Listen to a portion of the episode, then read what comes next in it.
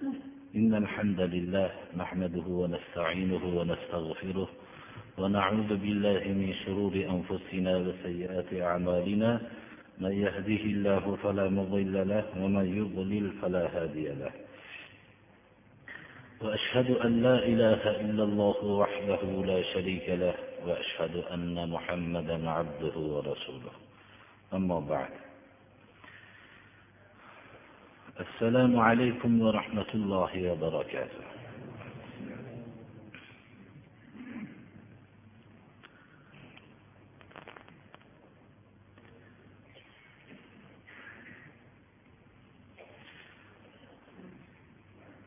إنما مثل الحياة الدنيا كماء أنزلناه من السماء فاختلط به نبات الأرض مما يأكل الناس والأنعام حتى إذا أخذت الأرض زخرفها وزينت وظن أهلها أنهم قادرون عليها أتاها أمرنا ليلا أو نهارا فجعلناها حصيدا كأن لم تغن بالأمس. كذلك نفصل الآيات لقوم يتفكرون.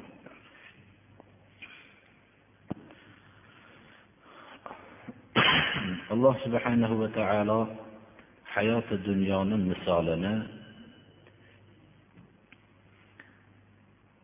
osmondan tushirgan suv sababli unib chiqqan o'simtaga o'xshatyapti.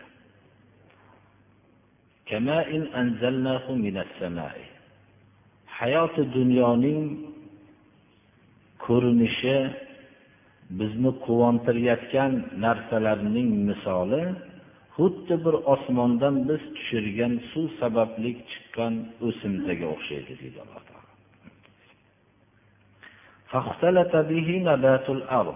Ya'ni osmondan biz tushirgan suvga o'xshaydi. Bu suv yerning o'simtasiga aralashgan. Yerning o'simtasi bu suvga aralashgan. Bu yerdagi o'simtalarni ba'zi qismi odamlar yeydigan narsalarni tashkil qiladi ba'zilari hayvonlar yeydigan narsalarni tashkil qiladi. Hatto yer bu o'simta bilan o'zini ziynatini olganda va nihoyatda bir ko'rkam bo'lib ziynatlanganda va bu yer ahllari ya'ni dehqonlar o'zlarining bu unib o'sgan chiroyli bo'lib ko'rinib turgan o'simtalarga quvonishib biz buni qildik biz qodirmiz bu narsani. Chiqarishlikka degan gumon paydo bo'lib turgan vaqtda bizni buyrug'imiz kelgan erta kechmi kunduzmi kelganda va bu o'simtani shunday hasiydan o'rilgan qilib qo'yganmiz. Go'yoki kecha bu o'simta bu yerda bo'lmagandek qilib qo'ygan hayoti dunyoning misoli mana shunday o'simtaga o'xshaydi. Haqiqatda ham uzoq umr ko'rgan kishilar bo'lsin o'rta umr ko'rgan kishilar bo'lsin yoyinki qancha muddat bo'lsa ham hayotda yashagan kishilar bo'lsin shular o'zining o'tgan hayotidagi quvongan narsalarni bir eslab ko'rsa hech bir daqiqa o'tmagandek bo'lib turadi. Lekin juda ko'p narsalarni boshidan o'tkazgan bo'lishligiga qaramasdan hech narsamni ko'rmagandek bo'lib turaveradi. Hayoti dunyoni misoli shunga o'xshaydi deydi. Ammo bu ma'noni yana ham chuqurroq yoshi ulg'aygan va hayoti dunyodan ko'ngli sovib kuch quvvatdan qolgan kishilar yana ham buni yaxshiroq tushunishadi. Hayoti dunyoning misoli go'yoki inson tug'ildi yerdan unib chiqqan o'simtaga o'xshagan unib yurdi va u sekin asta ko'karib voyaga yetdi. Xuddi bir ko'karib voyaga yetayotgan o'simtaga o'xshagan. Kun sayin uning unayotganligini o'zi va o'zgalar quvonib turib birdan bu o'simta o'zining davrini o'tagandan keyin pastlab u go'zallik surati o'simtada yo'qolgandek insonda ham sekin asta yo'qolib boraveradi. Mana bu hayoti dunyoni misolini alloh subhanahu va taolo shunday bir o'simtaga tamsil berdi. Biz oyatlarimizni fikr qilgan odamlarga shunday bayon qilib beramiz.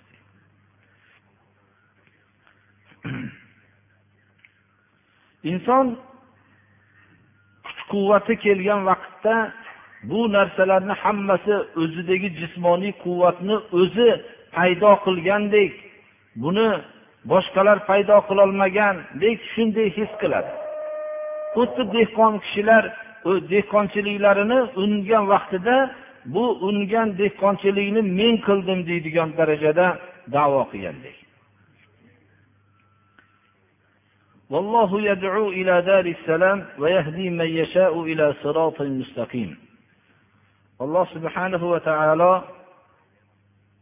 bu tamsilni bayon qilgandan keyin demak bu salomatlik dori emas. Hayoti dunyoda hamma inson mashaqqat bilan yashaydi. Hamma odam qiyinchilik bilan yashaydi. Xoh u davlatman bo'lsin xoh davlatsiz bo'lsin. Xoh musulmon bo'lsin xoh kofir bo'lsin. Xoh kasalmand bo'lsin xoh sog'lom bo'lsin. Xoh farzandlik bo'lsin xoh farzandsiz bo'lsin. Xoh faqat o'g'illi bo'lsin xoh faqat qiz farzandli bo'lsin. Hamma inson mashaqqat bilan yashaydi. Biz oyatida mashaqqati haqida bayon qilganmiz. Inson birinchi tug'ilishligidan ilgari tang joyda yotishlik mashaqqatini kechiradi. Tug'ilishlikda qiyinchilik holatini boshdan kechiradi. Tug'ilgandan keyin birinchi nafas olish mashaqqatini boshdan kechiradi. Birinchi nafas olish jihozining birinchi nafasni olib chiqarishlikka chiniqishligi osonlik bilan sodir bo'lmaydi birodarlar. Birinchi marta ovqatlanish onani ko'ksidan ovqatlanish mashaqqatini kechiradi. U kirgan ozuqani hazm qilish jihozi birinchi hazm qilish mashaqqatini boshdan kechiradi. Xullas buning endi chiqindini birinchi marta chiqishlik mashaqqatini boshdan kechiradi. Xullas u emaklash mashaqqatini boshdan kechiradi. U chiqishlik mashaqqatini boshdan kechiradi. Yurish mashaqqatini boshdan kechiradi. Xullas yurgandan keyin endi hayotga aralashishlik mashaqqati boshlanadi. Mashaqqat hayotga aralashgandan keyin hayotda endi iqtisodiy mashaqqat boshdan kechiradi. Xususan hozir bu mashaqqatni nihoyatda bir tushunib turilgan davrda turibmiz birodarlar. Iqtisodiy mashaqqat mingda ikki ming qilishlik va uni ko'paytirish mashaqqatini boshdan kechiradi. Odamlarni xursand qilishlik mashaqqatini boshdan kechiradi. Odamlarni xursand qilaman degan sari o'rtadagi hamma odamlar sizdan xafa bo'laveradi. Undan keyin islomni biladi. Islomni bilgandan keyin islom yo'lida odamlarga da'vat qilishlik mashaqqatini boshdan kechiradi. Dinsiz bo'lganki u jahannamga kirishlik mashaqqatini boshdan kechiradi. Jahannamga kirishlik uchun ham ollohni buyruqlarini qilmaslik bilan butun jasadlarni vayron qilish mast qiluvchi ichimlik ichishlik mashaqqati qimor va pora boshqa mashaqqatlarni boshdan kechiraveradi. Inson xoh mo'min bo'lsin xoh kofir bo'lsin hayotida mashaqqatni boshdan kechiradi. Jannatga kiraman degan harakat ham mashaqqatdir. Lekin bu mashaqqatning oxirida salomatlik uyga borishlik rohatini o'ylash o'zidagi mashaqqatni yo'qotadi. Ammo kofirki hayotida ollohni buyruqlarini qilmaslik bilan rohatda yashamaydi. Hamma mashaqqatda yashaydi. Va shundan keyin abadiy mashaqqatga tayyorgarlik ko'rib yashaydi. Alloh subhanahu va taolo mana bu oyatda olloh salomatlik xotirjamlik uyiga chaqiradi. Jannat xonadoniga chaqiradi. Undan tashqari mo'min kishi iymonni qabul qilishligi bilan dunyoning ham salomiga kirib oladi. Xotirjamlik uyiga kirib oladi. Kambag'al bo'lsa sabr qiladi. Badavlat bo'lsa shukur qiladi. Kasal bo'lsa sabr qiladi. Sog'lom bo'lsa shukur qiladi. Farzandlarini ne'matiga shukur qiladi. Va farzandsizlikni musibatiga sabr qiladi. Xullas hamma ollohning bergan qismatiga rozi bo'lib yashaydi. Kofirchi kasal bo'lsa faryod chekadi. Sog'lom bo'lsa tug'yon zulm qiladi. Davlatmand bo'lsa isrof qiladi. Davlatsiz bo'lsa besabrlik qiladi. Hayotning hammasida mashaqqat bilan yashaydi. Salomatlikni bo'yini ham tatimasdan yashaydi. Alloh subhanahu va taolo dorissalomga chaqiradi. Vallohu yad'u ila darissalam salomatlik uyiga chaqiradi. Bu to'g'ri yo'lga dorissalomga olib boradigan yo'lga alloh subhanahu va taolo o'zi hidoyat qiladigan odamlarni o'zi xohlagan odamlarni hidoyat qiladi. Alloh subhanahu va taolodan meni jannat yo'liga yo'llab qo'ygin deb qalbidan talpingan kishilarnigina alloh subhanahu va taolo siroti mustaqim to'g'ri yo'lga yo'llashlikni xohladi. Alloh subhanahu va taolo hidoyatni yalinib beriladigan narsa qilib qo'yishlikni xohlamadi. Mo'minlar baxt saodatlikki alloh subhanahu va taoloning dorissalom yo'liga tushib qolgan yo'llar yo'llarda yuradi. Dorissalom jannat xonadoniga olib boradigan yo'lda yuradi. Ammor ibn yosirni umayyat ibn halaf munofiq uni qattiq azoblab turgan vaqtda va uni suol qilganda ammor ibn yosir roziyallohu anhuni ey ammor bizda hamma dunyo bor hamma narsa bor. Hamma narsani senga beram berganmiz. Senga muhammad nima berdi axir? Nima uchun bu muhammadni yo'lini ixtiyor qilding? Sen ota bo'yini yo'lidan qaytasanmi? Muhammad senga nima narsa berdi? Aytchi degan vaqtda muhammad menga xotirjamlikni berdi dedi. Mo'min odam iymon E, kirishligi bilan xotirjam bo'lib qoladi. Mo'min odam yashashligi rahmat. Birovlarga manfaat bo'ladi mo'min odamni. Birovga zulm bo'lmaydi. Mo'min odam hamma hayotining hamma turidan foydalanadi. Kasal bo'lsa takror aytamiz sabr qiladi. Uxlasa ham uyqusi tasbih bo'ladi. Ollohni buyrug'iga muvofiq uxlaydi. Har bir daqiqasi ibodat bo'ladi. Mo'min odam surgun qilinsa mo'min odam sayohat deb biladi. Mo'min odam qatl qilinsa shahodat deb biladi. Mo'min odamning hayotini hammasi ibodatga aylanadi. Yangi libos kiysa allohga hamd aytadi.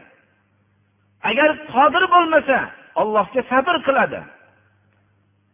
Taom yesa bunga shukur qiladi ollohni bergan rizqiga. Har bir amali ibodatga aylanadi. Xotirjam dunyoga kiradi dunyoning jannatida yashaydi. Shuning uchun alloh subhana va taoloning bu yo'li to'g'ri xotirjamlik jannatiga olib boradi. Muhammad menga xotirjamlikni berdi dedi. Mana bu narsa olloh chaqiradi. Dorissalomga xotirjamlik uyiga chaqiradi. Hozirgi vaqtda hamma narsa bor birodarlar bor odamlarda. Lekin xotirjamlikdan boshqa narsa bor. Nima uchun? Iymon yo'liga tushib qolmagan odamlar. Haqiqiy muhammad alayhissalom olib kelgan yo'lga kirolmagan. Shuning uchun undan xotirjamlik yo'qolgan.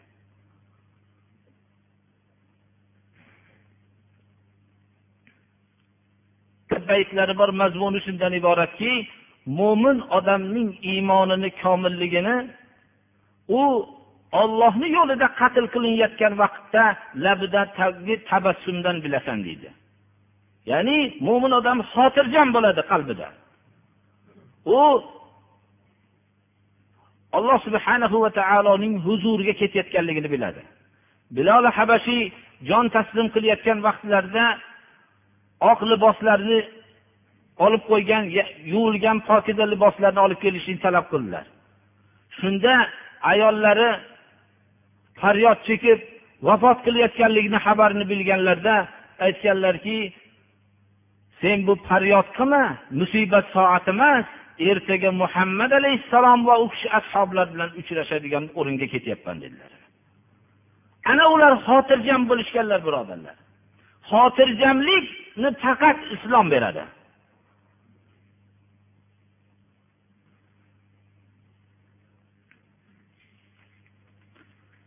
أحسن الحسنى وزيادة ولا يرهق وجوههم قطر ولا ذلة أولئك أصحاب الجنة هم فيها خالدون للذين أحسنوا الحسنى وزيادة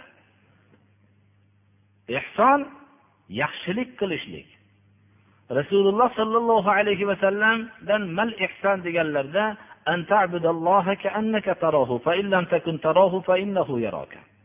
ehson ollohni ko'rib turgandek sig'inishliging. Agar bu e'tiqodotni o'zingga jaylolmasang olloh meni ko'rib turibdi degandek sig'inishliging ehson dedilar.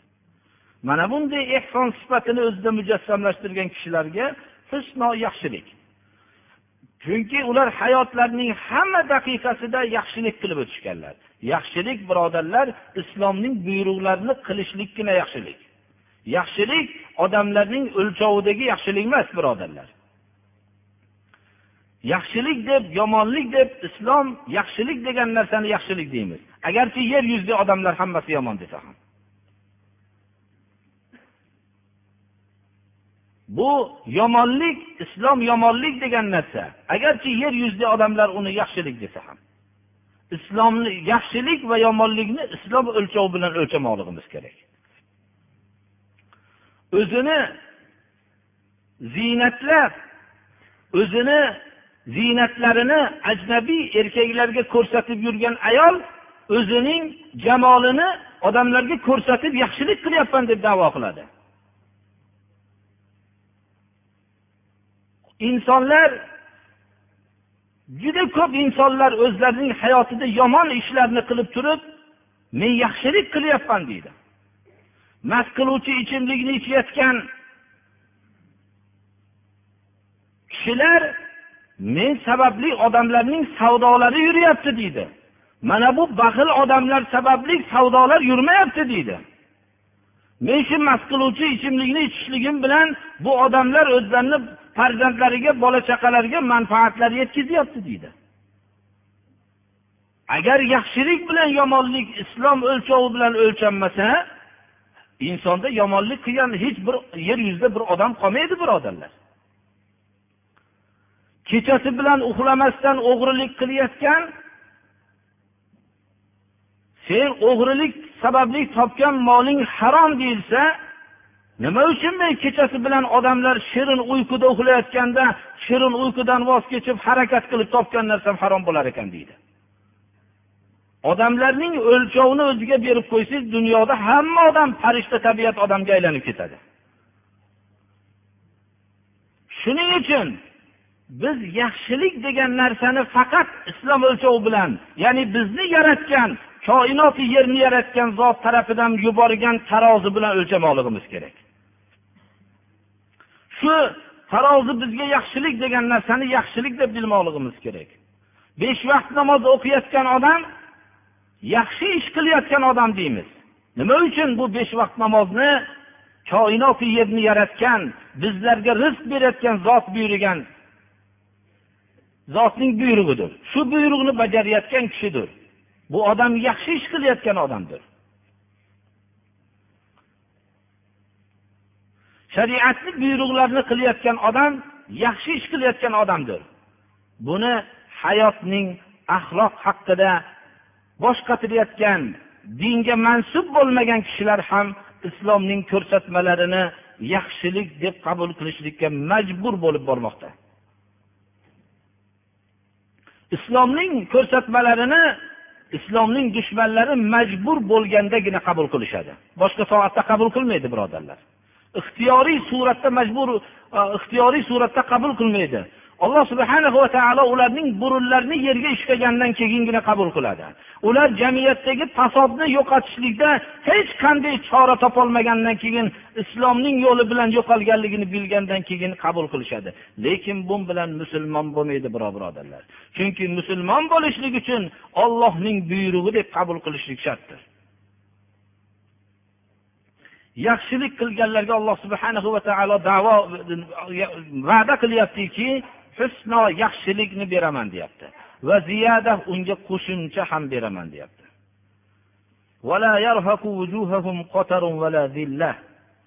Ularning yuzlarini g'ubor xorlik qoplamaydi deyapti.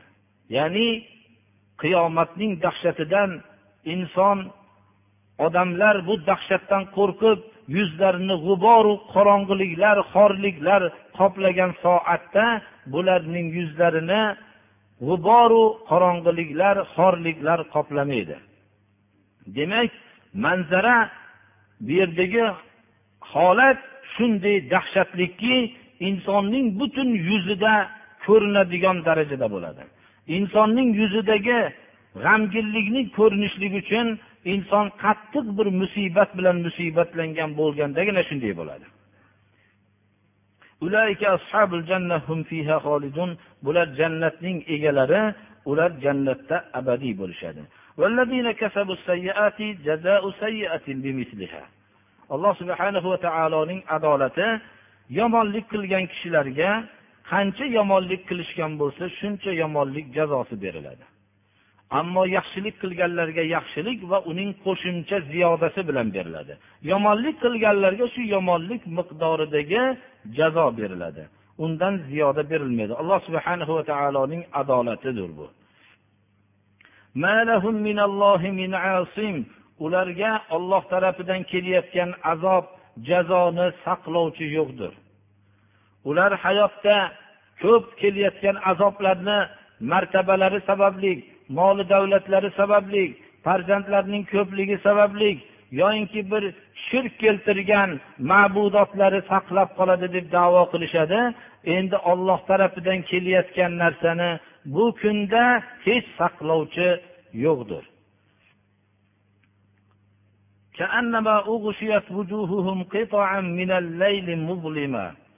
Go'yoki ularni yuzlari qorong'i bir kechadan bir parcha olinib ularni yuziga shunday to'sib qo'yilgandek qora qoramtir bo'lib qoladi. Go'yo qorong'i kechadan kecha o'zi dahshatli kechaning qorong'i zulmatidan bir parcha qirqilib ularning yuzlariga yopishtirib parda qilib qo'yilgandek yuzlari qorayib ketadi. Bular jahannamda egalari. O'tni egalari va jahannamda ular o'tda abadiy qolishadi.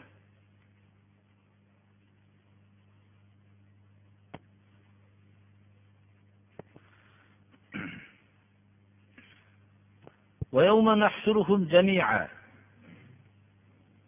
ثم نقول للذين أشركوا مكانكم أنتم وشركاؤكم فزيلنا بينهم وقال شركاؤهم ما كنتم إيانا تعبدون فكفى بالله شهيدا بيننا وبينكم إن كنا عن عبادتكم لغافلين alloh subhanahu va taolo shirk keltirib yurgan jahannam ahllarini hammalarini jamlaymiz deyapti hammalarini jamlaymiz shunda ularga xitob qilinadiki olloh tarafidan ularga aytamizki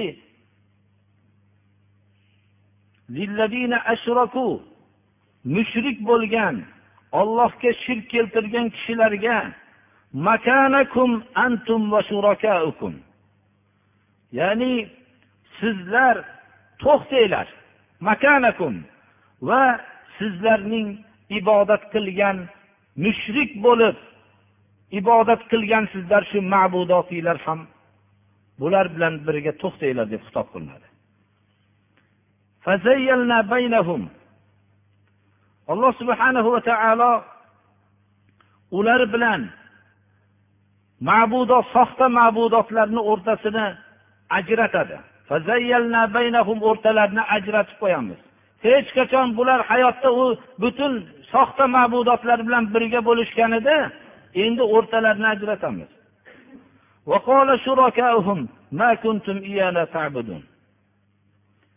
Shurakolari ya'ni ular ibodat qilib yurishgan soxta ma'budotlari aytishadiki ular o'zlariniga ergashgan odamlarga xitob qilib bizga sizlar ibodat qilmagansizlar deydi. Chunki ularning qilgan ibodatlarining zararidan bularga ham bo'layotganligini bilib bizlarga ibodat qilmagansizlar deydi.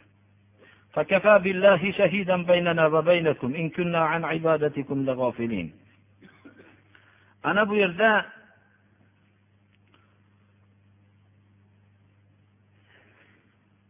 فكفى بالله شهيدا بيننا وبينكم إن كنا عن عبادتكم لغافلين shu shurakolari soxta butlari hammasi aytishadiki olloh biz bilan sizlarni o'rtanglarda guvoh biz sizlarning bizga qilgan ibodatinglardan g'ofil bo'lganmiz deydi هنالك تبلو كل نفس ما أسلفت وردوا إلى الله مولاهم الحق وضل عنهم ما كانوا يفترون mana bunday ochiq maydonda har bir har bir jonli mavjudot ya'ni insonlar o'tgan qilgan amallarni hammasini bir imtihon qilib ko'radi Va o'zining bu qilgan ishlarining oqibatini ko'radi. Haq bo'lgan robbilarining huzuriga hamma odamlar qaytariladi. Bo'xton bilan soxta ma'budotlarini ma'bud deb yurishganida bular hammasi ularga najot berishlikdan g'oyib bo'ladi.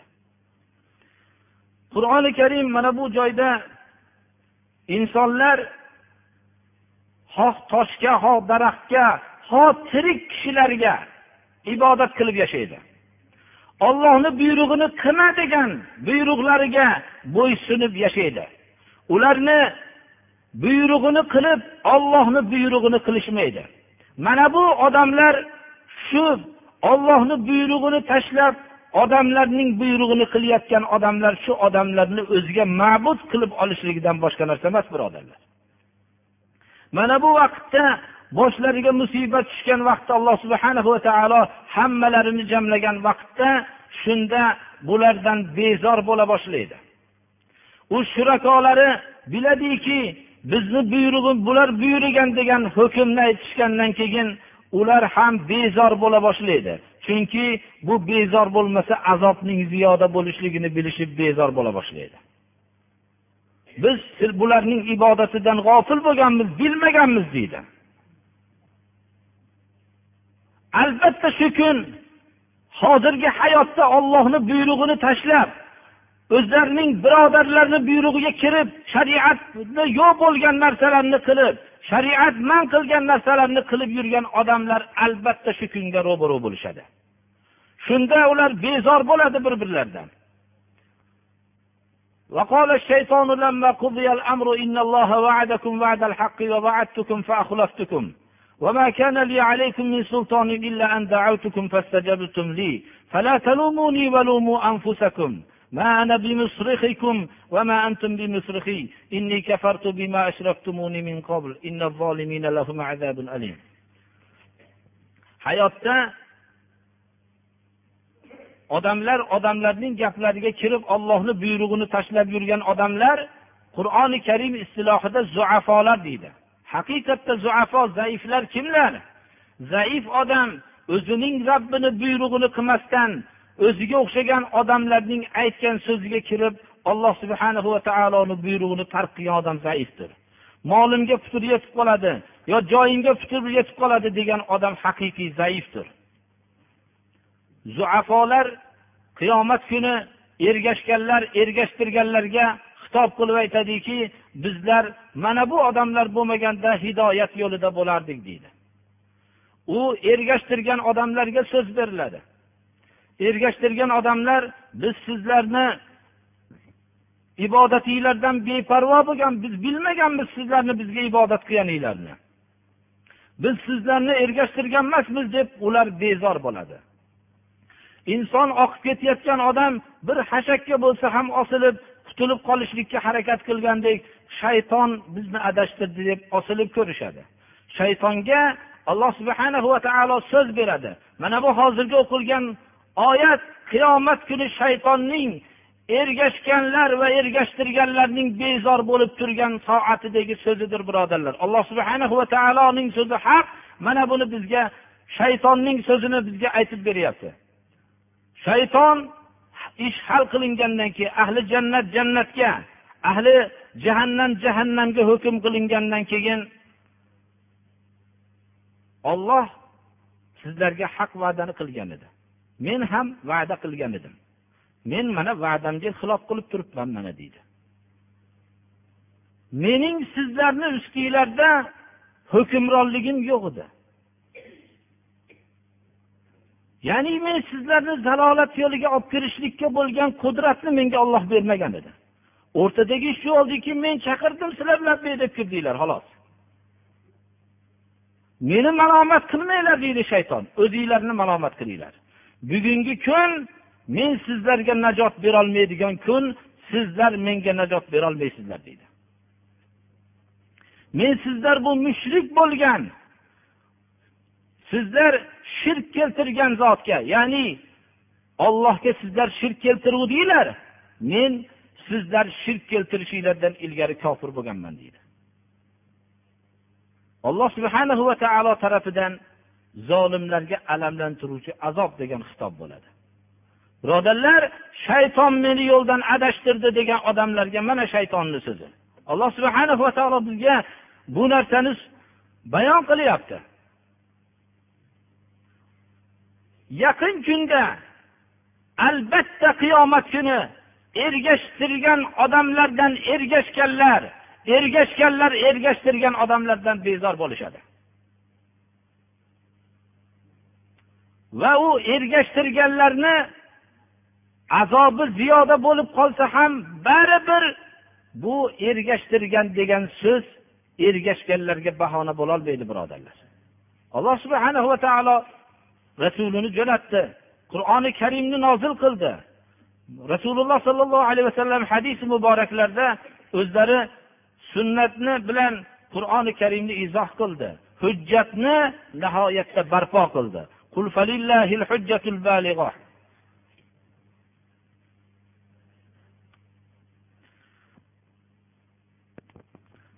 Birodarlar bu yerda savollar bo'libdi bu yerda.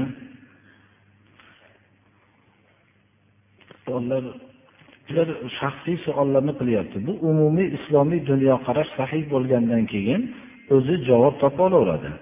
Bu hozirgi mana qur'oni karimni darslardan o'ziga xulosa chiqarib olsa bo'laveradi. Ota onalarning ba'zi qarshiliklari haqida ko'p xat yozishadi birodarlar. Bunga umumiy javob shuki bir odam iymon keltirishlik iymon keltirmaslikka majbur emas.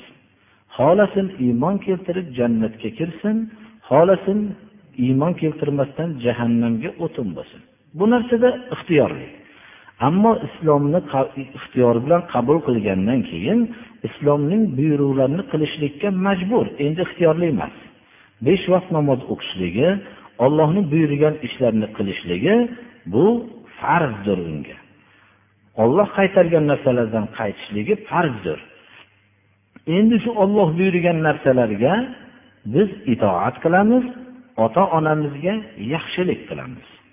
Olloh buyurdi o'ziga itoat qilishlikka va ota onaga yaxshilik qilishlikka buyurdi. Demak bu narsadan tushunadiki agar ota onani buyurgan ishi olloh rasulini so'ziga zid bo'ladigan bo'lsa itoat qilmaydi. Ota onasiga yaxshilik qiladi muruvvat qiladi. Shu savoldan o'zi ota onani qarshi bo'lishi qarshi bo'lmasligi hammasiga javob chiqaveradi birodarlar. Imom molik aytdilarki hammani so'zini qabul qilinadi ham va uni tashlanadi ham magar bu qabrni egasini so'zini albatta qabul qilinadi. Ya'ni muhammad alayhissalomni qabriga ishora qilib qo'ydilar. Payg'ambarimiz sollallohu alayhi vasallam ma'sumdirlar xatodan xoli u kishi. U u kishini so'zlari albatta qabul qilinadi. Boshqa odamlarning so'zi to'g'ri ham noto'g'ri ham bo'lishi mumkin.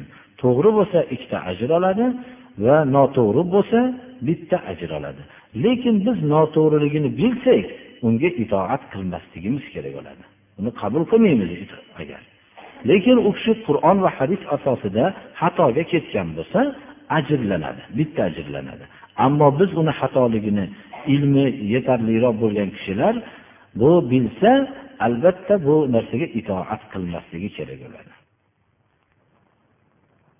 Sizga mana bu qabristondagi biz masjidimiz shunaqa deb bir chizib ko'rsatibdilar. Biz shuni aytamizki bu narsa islomda murakkab narsa emas birodarlar.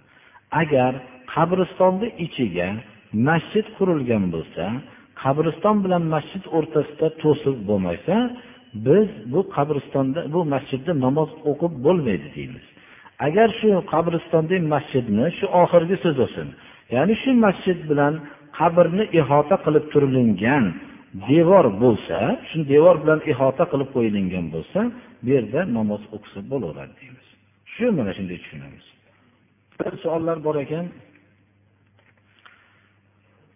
Aytibdilarki shahid nima deb ikkita uchta savol bo'libdi bunga biz javob beramizki shahid haqiqiy shahid deb ollohni kalimasini oliy bo'lish yo'lida jon taslim qilgan bo'lsa maydonda shahid deyiladi. Masalan shahidlarning eng afzali zolim sultonni zulmiga shunday turib shu haq so'zni aytgan bo'lsa va bu zolim uni qatl qilib yuborgan bo'lsa bu meni ummatimni afzal shahidlaridan jafar imom hamzatun abdul muttolib safida bo'ladi dedilar. Ali ibn abi tolib shularni orasida bo'ladi dedilar. Ya'ni umuman shu endi shahidi hukmiy borki ba'zi bir shahidlar borki masalan vabo bilan vafot qilgan kishi shahidi hukmiy bo'ladi. Chunki rasululloh sollallohu alayhi vasallam vabo kasali bo'lsa mo'minga rahmat dedilar. Vabo bo'lgan joyga kirmaslikka buyurdilar. Vabo bo'lgan joyda bo'lib qolgan odamni shu o'rindan chiqmaslikka buyurdilar. Shu narsani payg'ambarimiz sollallohu alayhi vasallam buyurganlari uchun olloh saqlasin vabo bo'lgan joyda bo'lib qolsa shu yerdan chiqmaydi. Agarchi unga o'lim kelsa ham chiqmaydi. Endi vabo bo'lgan joyni eshitsa u yerga kirmaydi birodarlar. Mana shu ham rasululloh sollallohu alayhi vasallam buyruqlari. Qorin og'riq kasali bilan vafot qilganlarni ham shahidi hukmi deyiladi. Biror bir imoratni ostida qolib vafot qilganlarni bularni ham shahidi hukmiy deb suvda g'arq bo'lgan kishilarni ham shu shahidi hukmi deyiladi. Bular haqiqiy shahid emas bular. Hukmi shahid ya'ni ajr bilan. Va tug'utda vafot qilgan ayollarni ham shahidai hukmiya deyiladi. Tushunarlimi? Mana shu nimalardir. Taolo bu ko'pchilik bir boshlariga musibat tushganlar ham bor ekan alloh taolo shularga shu musibatidan najot bersin. Ba'zi bir kishilar e, bir qariya ota onalarni duo qilaylik debdilar alloh taolo umrlarini uzun qilsin. Ba'zi birodarlar bir betob bo'lgan oilalardek oila a'zolarini aytibdilar alloh subhanahu va taolo betoblarga shifo bersin. Alloh subhanahu va taolo bu ba'zi kim nima hojati bilan so'ragan bo'lsa shar'iy bo'lish sharti bilan alloh taolo shu maqsadini alloh taolo ro'yobga chiqarsin.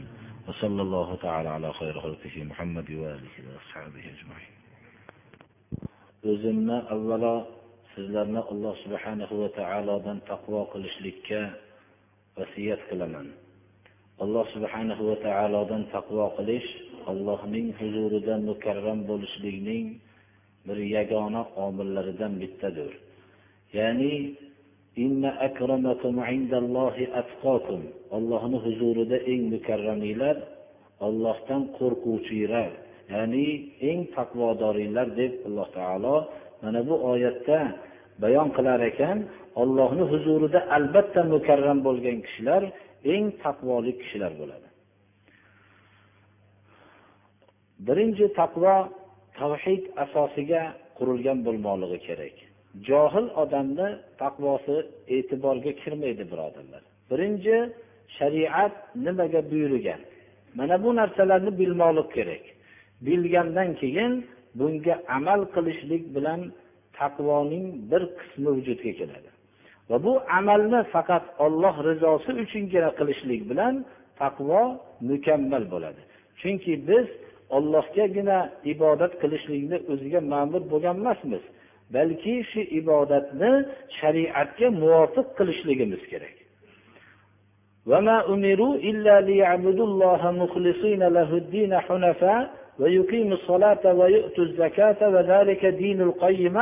bu oyati agarchi dalolat qilsa ham yagona ollohni o'zigagina ibodat qilishlikka ma'mur bo'lgan odamlar degan ma'noga namozni barpo qilishlikka zakotni o'tashlikka ma'mur bo'lishgan. Shu to'g'ri din shu deb ma'no bo'lsa ham shu bilan birga biz shuni tushunishimiz kerakki birinchi biz shariat nimalarga buyurgan shariat nimalardan qaytargan buni bilishimiz kerak. Va shunga amal qilishligimiz faqat ollohni o'zigagina ibodatni xolis qilsak taqvoning ikkinchi qismi komil bo'ladi. Demak amalning maqbul bo'lishligini sharti birinchi to'g'ri bo'lishi kerak. To'g'ri degan narsa yo bir odatda xalqlar o'rtasida qilayotgan amalga to'g'ri bo'lishi emas yoinki bir ajdodlar bilan qilib kelgan amalga to'g'ri bo'lish emas kitobi sunnatga to'g'ri bo'lishligi shart. Chunki rasululloh sollallohu alayhi vasallam yuz minglab jamlangan sahobalarga hajjatul vadoda oxirgi hajlarida o'zi bir marta haj qilganlar va oxirgi haj shu bo'lgan shu hajlarida xitob qilib aytdilarki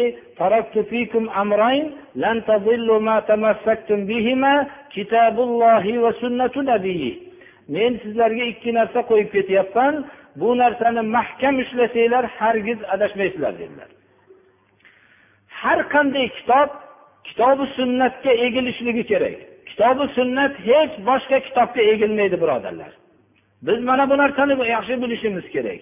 Har qanday kitobni biz kitobi sunnatga boshini egib olib boramiz. To'g'ri kelsa qabul qilamiz. Bo'lmasam uni qabul qilmaymiz birodarlar. Ba'zi bir so'zlar bo'ladiki qur'oni karimni va rasululloh sollallohu alayhi vasallamni sunnatlarini tushunishlik uchun bir necha mutlaq mujtahid bo'lishlikni shart qilinadiki to'g'ri kitobi sunnatni ilmini bilishlik shart bunga. Lekin bir kishini shart qilinadiki buni mujtahidi mutlaq deb unda shunday sifatlarni aytilinadiki bu sifatlar abu bakr va umar ibn hattob roziyallohu anhudan topilmaydi birodarlar. Bunday bo'lishligi kerak qur'onni bilishlik uchun unday sifatda bo'lishi kerak bunday sifatda bu narsalarni bilish kerak uni bilish kerak deyiladiki agar buni tekshirib qarasangiz abu bakr va umar ibn hattob roziyallohu anhuda ham yo'q bo'lgan sifatni shart qilishadi. Bu narsa qur'oni karimning o'zini bayon qilishligiga qur'onni biz odamlarga oson qildik buni tafakkur qiluvchi bormi deb. Buni oyatlarni odamlar tafakkur qilib qilishligi uchun biz buni jo'natdik deyapti alloh taolo. Shuning uchun qur'oni karim mo'jizasi rasululloh sollallohu alayhi vasallamning sunnatlarini mo'jizasi qiyomatgacha boqiy hamma kitoblar shu qur'on va hadisga bo'ysunmoqligi kerak. Shuning uchun biz birinchi taqvoni o'zimizda mujassamlashtirishlik uchun kitobi sunnatda bayon qilingan narsalarga muvofiq amal qilamiz va ikkinchisi shu muvofiq bo'lgan amalni faqat alloh subhanahu va taoloning rizosi uchun allohga dinni xolis qilishlik bilan amalimiz maqbul bo'ladi va taqvo sifati o'zimizda mujassam bo'ladi. Va shu bilan alloh subhanahu va taoloning huzurida mukarram bo'lamiz. إن الله يأمر بالعدل والإحسان وإيتاء ذي القربى وينهى عن الفحشاء والمنكر والبغي يعظكم لعلكم تذكرون. بارك الله لي ولكم في القرآن العظيم ونفعني وإياكم بما فيه من الآيات والذكر الحكيم. أقول قولي هذا وأستغفر الله لي ولكم ولسائر المسلمين من كل ذنب فاستغفروه إنه هو الغفور الرحيم.